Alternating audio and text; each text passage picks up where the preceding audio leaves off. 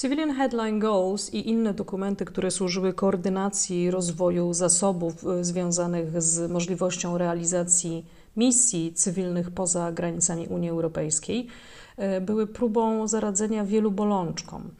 E, jedną z większych bolączek, jaką odkryto w 2004 roku i właściwie do dzisiaj e, nie znaleziono rozwiązania, ale nie tylko Unia Europejska, także inne misje e, stabilizacyjne, to jest współpraca pomiędzy sektorem cywilnym a wojskowym. Wiemy, że misje unijne są inaczej zarządzane, inaczej finansowane, innymi prawami się rządzą, te wojskowe i te cywilne. I właściwie nawet misje ONZ-owskie też są zazwyczaj organizowane albo przez inne organizacje, które mają zgodę Rady Bezpieczeństwa ONZ-u do tego, żeby to robić, albo przez, przez grupę państw, które to robią. I one podobnie mają problem z ustanowieniem współpracy pomiędzy wojskiem a, a cywilami. Przede wszystkim dlatego, że wojsko jest bardzo hermetyczną strukturą e, i bardzo e, jasno ma zdefiniowane e, chain of command, ma, ma sposoby zarządzania, ma sposoby dowodzenia, ma hierarchię bardzo precyzyjną i ma precyzyjne zadania. I ponieważ to jest system zamknięty, to bardzo trudno jest w to wcisnąć taką wtyczkę z, z misją cywilną. To znaczy, gdyby wojsku dać do realizowania misję cywilną, to albo by to zrobiło, albo powiedziało nie dziękuję. Natomiast e, kazać wojsku e, współpracować z cywilami e, jest o tyle trudne, że mm, wojsko nie ma żadnego jakby przełożenia na to. To znaczy, wojsko nie bardzo rozumie misje cywilne i nie jest ustalone, jaka jest zależność pomiędzy tymi misjami. Czyli gdyby szef misji cywilnej był marszałkiem polnym, koronnym, to wtedy wiadomo by było, ok, ma szarże, wiadomo, że jest wyżej od wszystkich innych, on dowodzi. No ale tak nie jest. Cywile y, mają zupełnie inną administrację, inną mechanikę realizowania misji i w związku z tym bardzo trudno jest znaleźć kompatybilność pomiędzy tymi misjami. Ale także Wojsko działa od zarania dziejów, od zawsze. Administracja, co prawda, też, ale zazwyczaj za, zarządza wojskiem, a tutaj tak nie jest. E, I misje wojskowe poza granicami też są od dosyć dawna realizowane. Te ONZ-owskie zaraz po II wojnie światowej się rozpoczęły. Czyli jest pewna, e, jest nabudowane doświadczenie w realizacji tych misji e, i jest, są przygotowane schematy, dokumentacja, praktyka, to, co może być dopracowane, to już zostało dopracowane, ponieważ te misje trwają kilkadziesiąt lat. Jeżeli chodzi o misje cywilne, to one się w zasadzie dopiero rozwijają. Pomimo, że jest ich realizowanych coraz więcej i coraz więcej jest doświadczenia, coraz więcej jest też doktryny, e, do czego takie misje powinny być wykonane, no to e, jednak e, nie do końca wiadomo, co taka misja ma osiągnąć. Cywile czy administracja cywilna y, ze współpracą z wojskiem radzi sobie dosyć kiepsko, y, bo nie ma w zasadzie żadnej dźwigni. Y, I dużo zależy od tego, czy szefowie misji cywilnej i wojskowej się znajdują porozumienie, znajdują wspólny język. I najskuteczniejsi szefowie misji cywilnych to byli wojskowi, którzy doskonale rozumieją sposób myślenia wojska i sposób funkcjonowania. Tak właśnie Paddy Ashdown, który y, był wysokim przedstawicielem ONZ-u, ale też i specjalnym przedstawicielem Unii Europejskiej w Bośni i Hercegowinie, tak właśnie podsumował swoje doświadczenie, wieloletnie doświadczenie z realizowania swojej pracy u boku misji wojskowej w Bośni. Więc y, wojsko natomiast y, znalazło pewien sposób na to, jak współpracować z cywilami, tylko jest to sposób bardzo mało satysfakcjonujący dla misji cywilnych zazwyczaj, ponieważ wojsko podeszło do tego typowo po wojskowemu, to znaczy wojsko ma strukturę, ma hierarchię, ma łańcuch dowodzenia, wiadomo kto jest kim, y, obrazek jest bardzo jasny, klarowny, są wydawane rozkazy, mają być wykonywane, szafa gra. E, z misją cywilną oczywiście jest inaczej, więc wojsko, żeby e, zbudować taki klocek Lego, do którego będzie można przyczepić drugi klocek e, Lego, czyli misji cywilnej, zrobił dokładnie klocek Lego, czyli zdublował struktury cywilne i oddelegował I wojsko oddelegowało jakby corresponding officers, czyli każda pozycja w administracji cywilnej ma odpowiednika w wojsku, które, e, w misji wojskowej, która jest rozlokowana na tym samym terenie. Czyli jeżeli jesteście na przykład oficerem e, czy, czy, czy political officer, czyli jesteście kimś takim, kto właśnie ma zarządzać czy, czy pracować przy, przy organizacji kwestii politycznych w danym regionie, to wojsko będzie miało kogoś, do kogo dostaniecie numer telefonu, i to jest ktoś taki, kto będzie waszym odpowiednikiem tylko ze znajomością struktur wojskowych i, i w strukturach wojskowych. E, z jednej strony dla wojska jest to zupełnie logiczne rozwiązanie, czyli zdublowanie administracji w ramach swoich własnych struktur, a z drugiej strony dla administracji cywilnej jest to absolutny koszmar, bo wyobraźcie sobie, że tak, że jesteście political officer, że waszym zadaniem jest nawiązanie kontaktu z lokalnymi liderami y, grup y, i spróbowanie wymyślić, w jaki sposób ci liderzy mogą się spotkać, żeby razem współpracować, czy coś w tym stylu. I do tego potrzebujecie na przykład zabezpieczyć miejsce takiego spotkania i chcielibyście, e, chcielibyście zwrócić się do dowódcy lokalnej jednostki po to, żeby oddelegował jakieś wojsko, żeby ładnie wyglądało i zabezpieczało, e, zabezpieczało miejsce tego spotkania. Tak po prostu. To jest hipotetyczny przykład, który mógł się faktycznie zdarzyć. W związku z tym chcielibyście rozmawiać e, z kimś, kto jest odpowiedzialny, kto ma władność do tego, żeby udzielić Wam zgody na e, współpracę z jednostką wojskową w tym zakresie. Więc Staracie się wymyślić, kto by to mógł być w tym wojsku i stwierdzacie, dobra, commanding officer, czyli jakby głównodowodzący lokalnymi siłami i do niego próbujecie się dostać. A wojsko wam powie, nie, nie, nie, nie, nie, my tutaj mamy corresponding officer i proszę się kontaktować z naszym political officer, czyli kimś, kto jest na tym samym szczeblu w administracji wojskowej. Czyli nie możecie uderzyć do misji wojskowej w którekolwiek miejsce, po to, żeby dostać to, co jest Wam potrzebne, tylko musicie się odzywać do kogoś, kto jest Waszym odpowiednikiem w administracji wojskowej, i dopiero on Wam powie, że zazwyczaj mówi to, co zazwyczaj wojsko mówi, czyli że jest to niemożliwe do wykonania, ale jeżeli jest e, e, w miarę sprawny, to może coś spróbuje popchnąć i załatwić.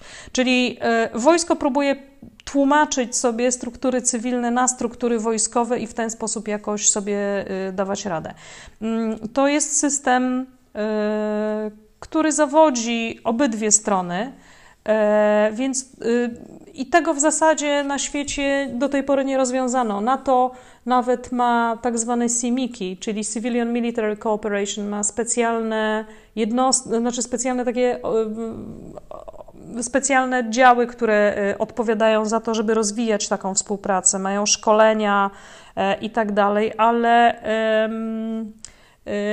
to nie za bardzo do dnia dzisiejszego działa. I teraz wyobraźcie sobie Państwo, że na poziomie operacyjnym to nie bardzo funkcjonuje, a Unia Europejska ma jeszcze większy problem na poziomie planowania takich misji.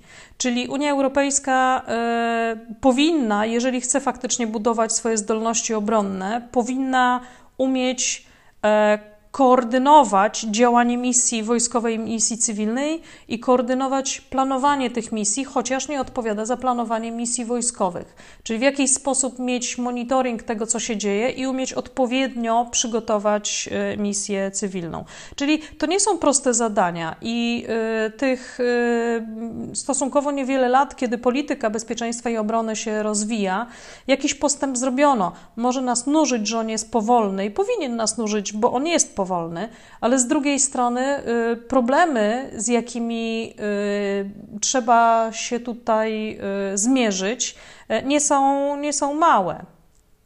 E, więc na przełomie 2007-2008 roku skończył się ostatni Civilian Headline Goal. Przechodzę w tej chwili do slajdu ósmego, który E, e, nie, przepraszam, skończył się ten z 2008. Ten z, w 2008 zrobiono do 2010 roku, czyli e, zrobiono tylko na dwa lata, czyli zrobiono programowanie na dwa lata.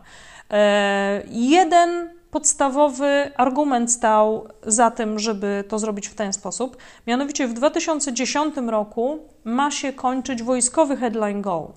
E, I od 2010 e, roku przymierzano się do tego, że od tego momentu planowanie cywilne i wojskowe będzie już bardziej skoordynowane i będzie szło razem, że będą, będzie jeden dokument, który e, dostarczy wytycznych i który e,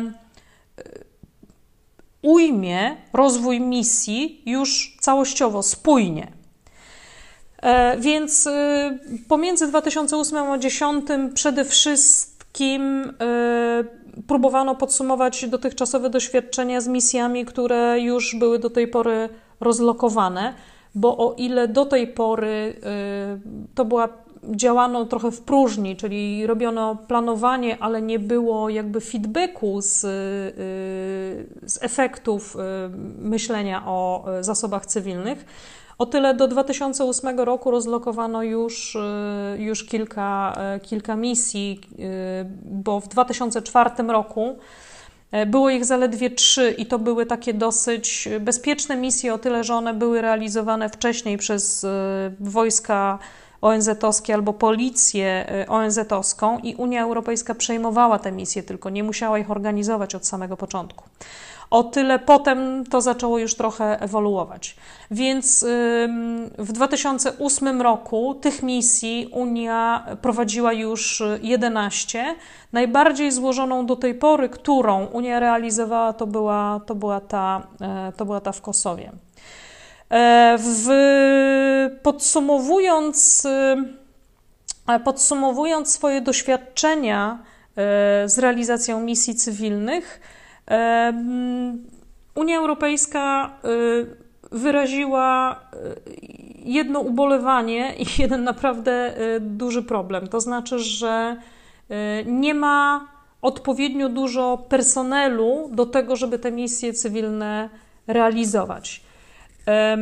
Powodów do tego jest kilka. Po pierwsze, zainteresowanie państw członkowskich do udziału w takich misjach jest nierówne, czyli niektóre państwa podchodzą do tego serio, a niektóre uważają, że to jest, e, nie jest rzecz niezbędna.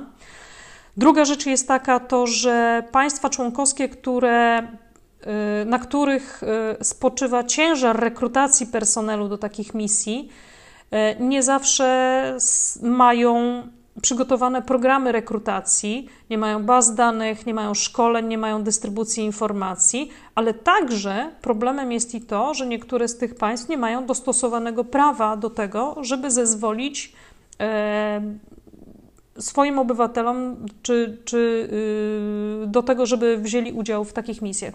Y, obywatelom, czy szczególnie właśnie tym zatrudnionym w administracji cywilnej. Czyli nie zawsze można oddelegować administrację cywilną do tego, żeby wzięła udział w takiej y, misji.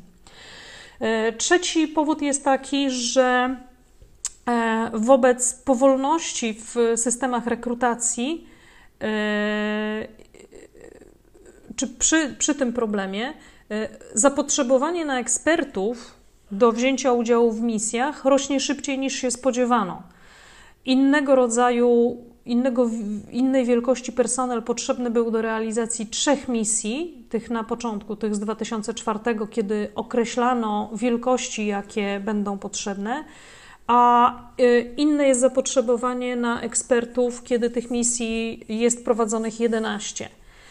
E, część misji nie można było e, dobrze przygotować właśnie ze względu na to, że państwa członkowskie nie były w stanie nadążyć z dostarczaniem e, personelu. Załączam Państwu tekst do tego wykładu. On jest krótki, trzystronicowy, dotyczy misji przede wszystkim policyjnej, przede wszystkim cywilnej w Afganistanie. Chciałabym, żebyście Państwo ten tekst przeczytali powoli, bo on jest dosyć nasycony. E, czyli czytajcie powoli, to są tylko trzy strony i e, spróbujcie na podstawie tego tekstu zbudować sobie obraz tej misji w Afganistanie. Załączam Państwu też po slajdzie ósmym, slajd, który nie jest ponumerowany, a zawiera mapę misji cywilnych i misji wojskowych realizowanych przez Unię Europejską w 2020 roku. Nie oczekuję, że Państwo nauczycie się tego na pamięć. Chciałabym, żebyście zobaczyli, gdzie te misje przede wszystkim są realizowane i jakiego rodzaju. Na żółto macie zaznaczone misje wojskowe, na niebiesko misje cywilne. Żółto-niebieskie to są misje mieszane oczywiście. I zobaczcie, że y, Unia Europejska jest aktywna nie tylko blisko swoich granic, ale i także jakby w wianuszku, y, szeroko pojętym wianuszku, czyli realizuje swoje misje w Europie, y, Afryce i, i Azji. Spójrzmy też na sposób finansowania misji, misji cywilnych. Przechodzę w tej chwili do e, slajdu dziewiątego. Musimy zawsze pamiętać, że misje cywilne całkowicie są finansowane z e, budżetu Unii Europejskiej, co ma swoje plusy, ma swoje minusy. Plusem jest to, że Unia Europejska dzięki temu wie na czym stoi i jest całkowicie odpowiedzialna za E, przygotowanie i realizację tych misji, z wyjątkiem oczywiście procesu rekrutacyjnego, który jest słabą, jedną z słabych stron e, w tej chwili e, tych misji. I zobaczmy, ile mniej więcej pieniędzy na to rocznie idzie. Między 2007 a 2013 roku, i to jest tendencja, która do dnia dzisiejszego w zasadzie się nie zmienia, E, budżet EPBIO e całkowity wynosi około 290 milionów euro. E, jeżeli popatrzymy, jaki procent to jest wydatków na politykę zewnętrzną, to jest to około 3,5, czyli nie jest jakoś szczególnie dużo, ale no coś już za to zdecydowanie można zrobić. Y, problem polega na tym, w jaki sposób te środki są y, finansowane, y, w jaki używane. I teraz spójrzcie Państwo na kolejny slajd, na slajd dziesiąty, gdzie macie Państwo przedstawione w tabeli wydatki na operacje cywilne według programów. Czyli budżet i wydatkowanie, wydatkowanie jest po stronie unijnej i budżet, skonstruowanie budżetu e, operacji cywilnych całkowicie e, odpowiedzialna jest za to Unia Europejska jej instytucje. Problem tylko polega na tym, że Unia Europejska nie ma jednego worka, do którego wkłada pieniądze na misje cywilne, a pieniądze te ma porozrzucane po różnych programach. I teraz spójrzcie Państwo, ile tych instrumentów pierwszej kolumnie macie Państwo przedstawione e, instrumenty. Ile tych instrumentów e, jest? E, misja każdorazowo, kiedy jest przygotowywana, musi być określone, z którego z tych programów będzie finansowana i w jakim stopniu, albo co konkretnie w tej misji będzie finansowane z tego programu. I zobaczmy, jakie to są programy. IPA, czyli Instrument Pomocy Przedakcesyjnej. Instrument pomocy przedakcesyjnej używany jest przede wszystkim do e, wsparcia finansowego, według oczywiście załączonej agendy i załączonej umowy, w jaki sposób te pieniądze mają być wydawane i na co, państw, które starają się o przyjęcie do Unii Europejskiej. Czyli jest to ten okres, kiedy czyni się jakieś działania które mają zbliżyć y, dane państwo do standardów Unii Europejskiej. I Unia udziela pomocy w tym zbliżaniu się y, i dostosowywaniu. Dalej mamy ENPI, czyli Europejski Instrument na Rzecz Sąsiedztwa i Partnerstwa. Ponownie, Unia Europejska jest zainteresowana państwami w swoim otoczeniu, stabilizacją tych państw i e, unormowaniem różnego rodzaju zakresów współpracy, która jest w danym kontekście istotna, czyli z niektórymi państwami to będzie na przykład kwestia e, ruchu przez granicę, czy na przykład strzeżenia granic przed nielegalnymi y, migrantami i tak dalej. Z innymi państwami to będą na przykład relacje ekonomiczne, a najczęściej jest to y, pakiet. Czyli te państwa, żeby można było użyć tych finansów, nie muszą być oficjalnie na drodze do członkostwa w Unii Europejskiej. Są to państwa, które po prostu są w sąsiedztwie i relacje pomiędzy państwami Unii, Unią, a tymi państwami są istotne do tego, żeby je uregulować i na to potrzeba pewnych pieniędzy. To myślę, że to jest dosyć zrozumiałe. Mamy sąsiadów gdzieś obok i wiemy, że mamy wspólne interesy, ale też i wspólne problemy, które wymagają finansów do tego, żeby te problemy uregulować. Kolejny instrument to jest DCI, instrument współpracy rozwojowej. Unia Europejska e, ma swoją doktrynę, z której wynika, że najlepsza stabilizacja jest przez e, zasilenie możliwości rozwojowych. E, I taką też doktrynę stosowała przez wiele lat, na przykład w chronieniu się przed, przed migrantami nielegalnymi. Czyli lepiej jest zainwestować w państwach, e, z których nielegalni migranci ekonomiczni się dostają do Unii Europejskiej, żeby tam utworzyć im e, możliwości e, funkcjonowania, niż potem, jest to mniejszy prawdopodobnie problem, niż potem borykać się z, z, z migrantami na, e, na swoim własnym terytorium. Czyli to są pieniądze, które służą współpracy rozwojowej, czyli jakby wspomagania gospodarek, ale też i e, instytucji politycznych do tego, żeby stabilizowały żeby stabilizowały gospodarki i struktury polityczne mm, u siebie. Dalej mamy EIDHR, E, Europejski Instrument na Rzecz Demokracji i Praw Człowieka. E, dotychczasowe, e, czyli te trzy wcześniejsze instrumenty, które Państwu przedstawiłam, to są instrumenty, jak widzicie, związane z, nie bezpośrednio z misjami cywilnymi, ani ze stabilizacją pokonfliktową, ani z pomocą humanitarną, nic z tych rzeczy. To są instrumenty, które Unia Europejska ma i by miała, bez względu na to, czy jakiekolwiek konflikty na świecie się dzieją, czy nie. Są to instrumenty y, nie nakierowane tylko i wyłącznie na stabilizację konfliktów, ale to są instrumenty, z których można czerpać finanse w przypadku, gdyby realizować y, misję stabilizacyjną i ona także kwalifikowałaby się pod te cele, czyli albo po pomoc przedakcesyjną, albo y, sąsiedztwo, albo współpracę rozwojową. Słowem, y, to nie są instrumenty proste do, y, proste do uruchomienia.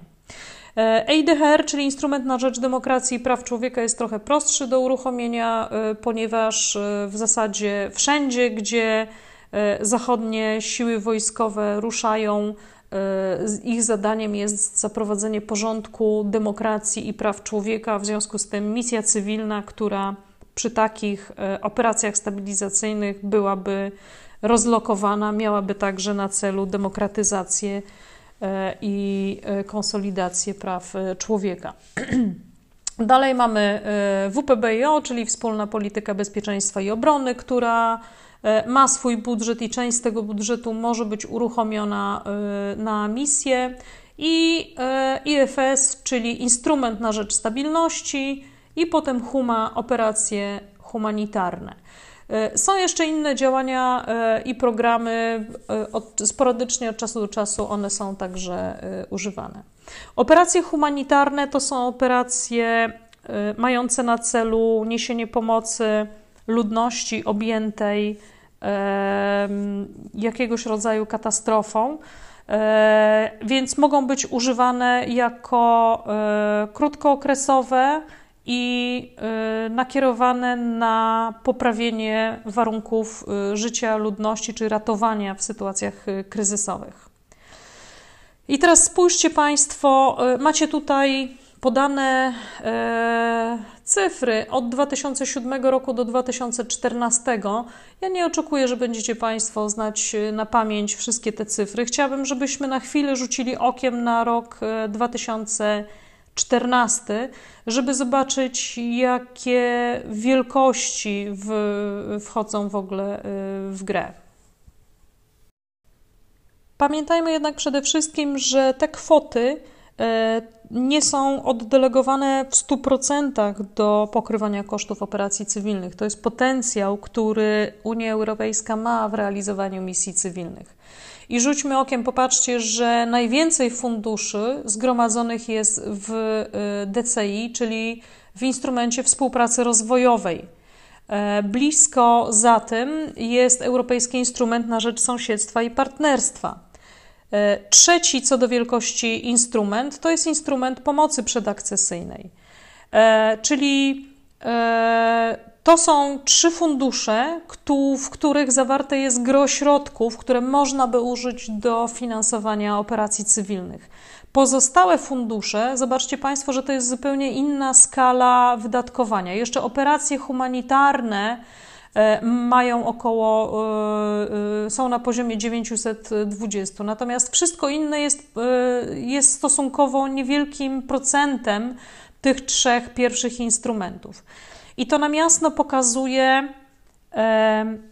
jaka jest polityka Unii Europejskiej względem e, stabilizacji e, państw, stabilizacji pokonfliktowej, czy stabilizacji po transformacji, czy, e, czy stabilizacji cywilnej, czyli generalnie ogarnięcia tematu, żeby był pewien porządek polityczny i gospodarczy w, w jakimś państwie.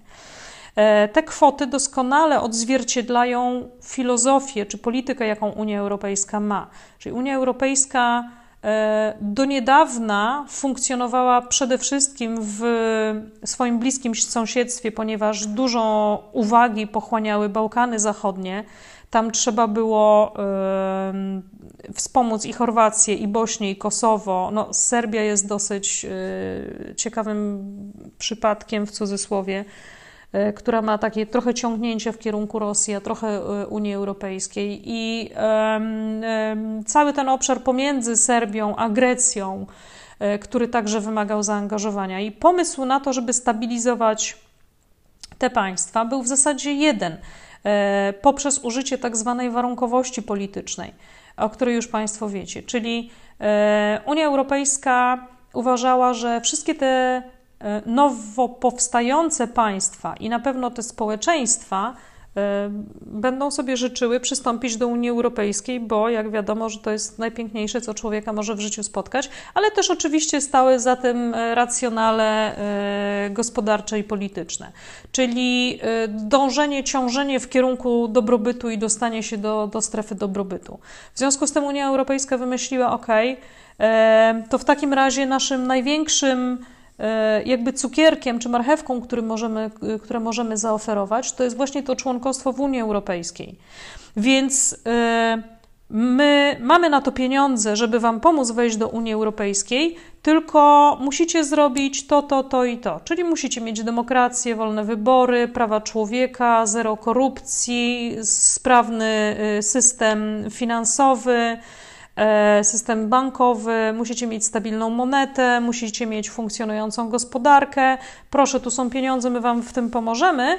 E, a z czasem możemy rozmawiać o tym, żebyście przystąpili do Unii Europejskiej. Czyli jakby zachowujcie się tak, jak my oczekujemy, my Was wspomożemy wtedy finansowo.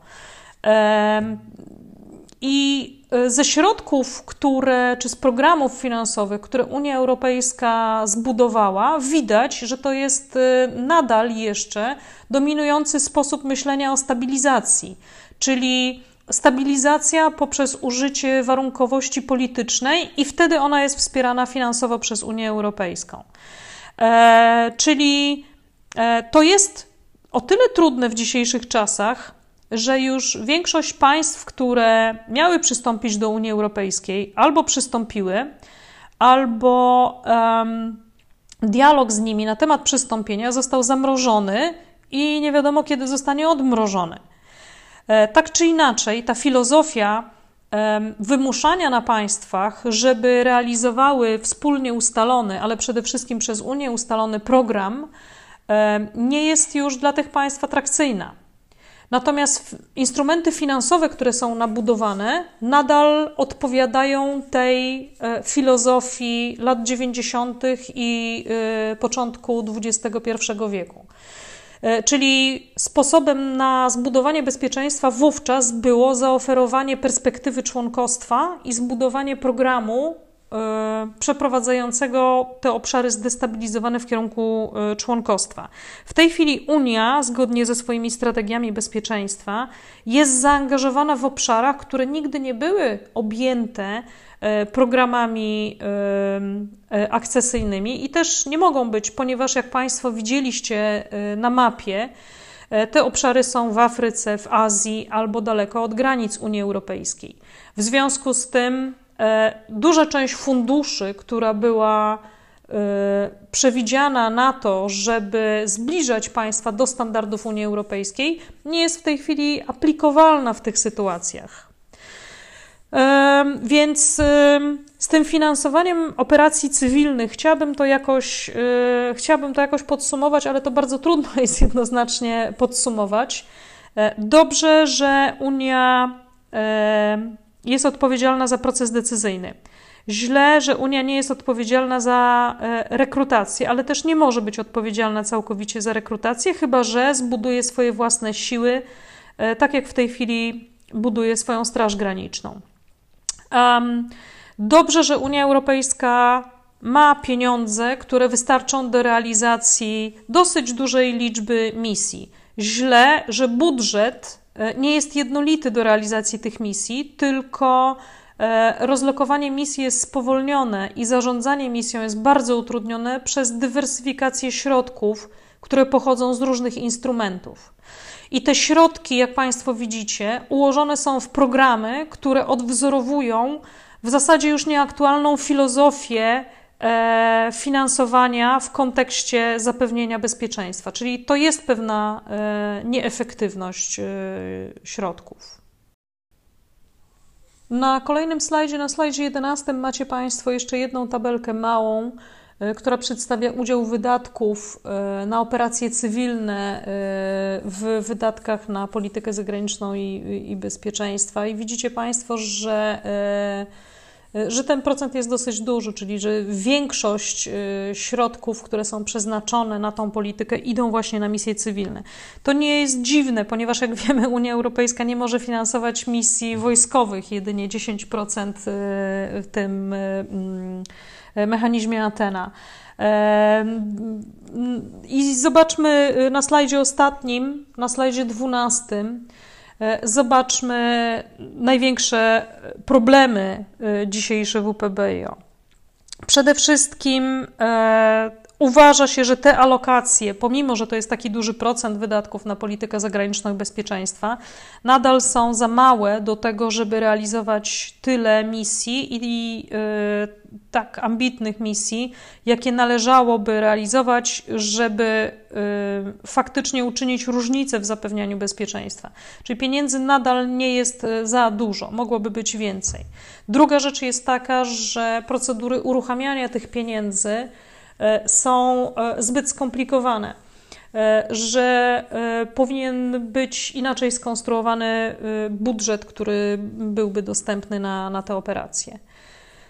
Trzecia rzecz, o której też już wspominaliśmy, to znaczy ekspertów cywilnych jest nadal za mało i za mało rozwinięte są programy dotyczące rekrutacji, szkolenia i rozlokowywania e, tych ekspertów w e, misjach.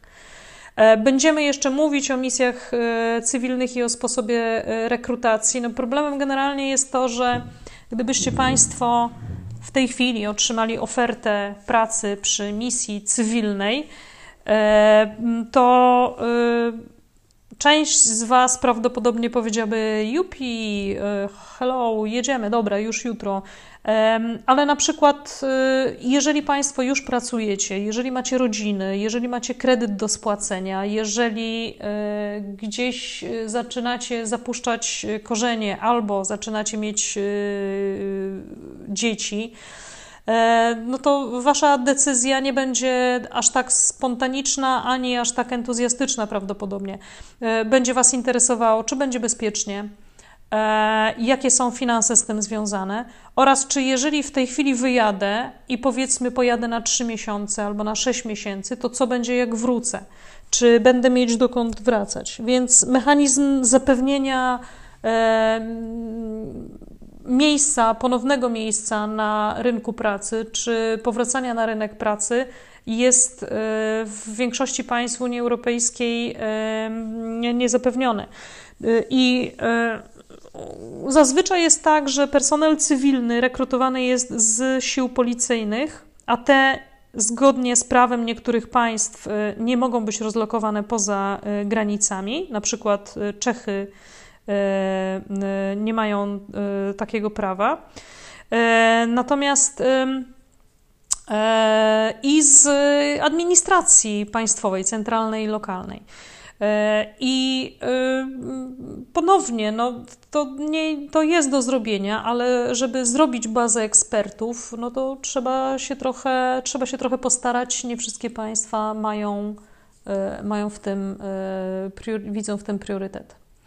E, trzeci z punktów, które widzicie Państwo na tym slajdzie, to są małe zasoby sprzętowe, niekompatybilność sprzętu używanego podczas e, realizacji e, misji. To dotyczy zarówno misji wojskowych, jak i cywilnych, to znaczy z misjami wojskowymi wiemy na czym to polega. Jeżeli wysyłamy różne armie, to te różne armie pojadą ze swoim różnym sprzętem, który bardzo często nie będzie do siebie nawzajem pasował, co nam wysiłek logistyczny zwiększa, no i oczywiście finanse takiej misji nam zwiększa. Ale też są problemy z misjami cywilnymi, bo nie chodzi o to, żeby misję cywilną wyposażyć w sprzęt strzelający, ale problem jest chociażby dlatego, że e, ponieważ to jest budżet unijny, który jest wydawany na te operacje, to dotyczą nas procedury unijne żeby zakupić sprzęt, na przykład komputery, na przykład krótkofalówki, telefony, cokolwiek na potrzeby misji, Unia Europejska musi zrobić przetarg. E, jesteście Państwo sobie prawdopodobnie w stanie wyobrazić, jakim, jakim koszmarem jest e, zrobienie przetargu, e, a z punktu widzenia ludzi, którzy planują misję, koszmarem jest czas, który zabiera E, przeprowadzenie takiego e, przetargu, rozstrzygnięcie, zakup sprzętu, dostarczenie sprzętu itd., tak to opóźnia możliwości rozlokowania misji o e, parę miesięcy. Czyli albo rozlokowujemy misję bez odpowiedniego sprzętu i wtedy ona być może jest w stanie zacząć działać szybciej, albo czekamy na sprzęt i wtedy misja nie może być rozlokowana tak szybko, jak wytyczne unijne sugerują.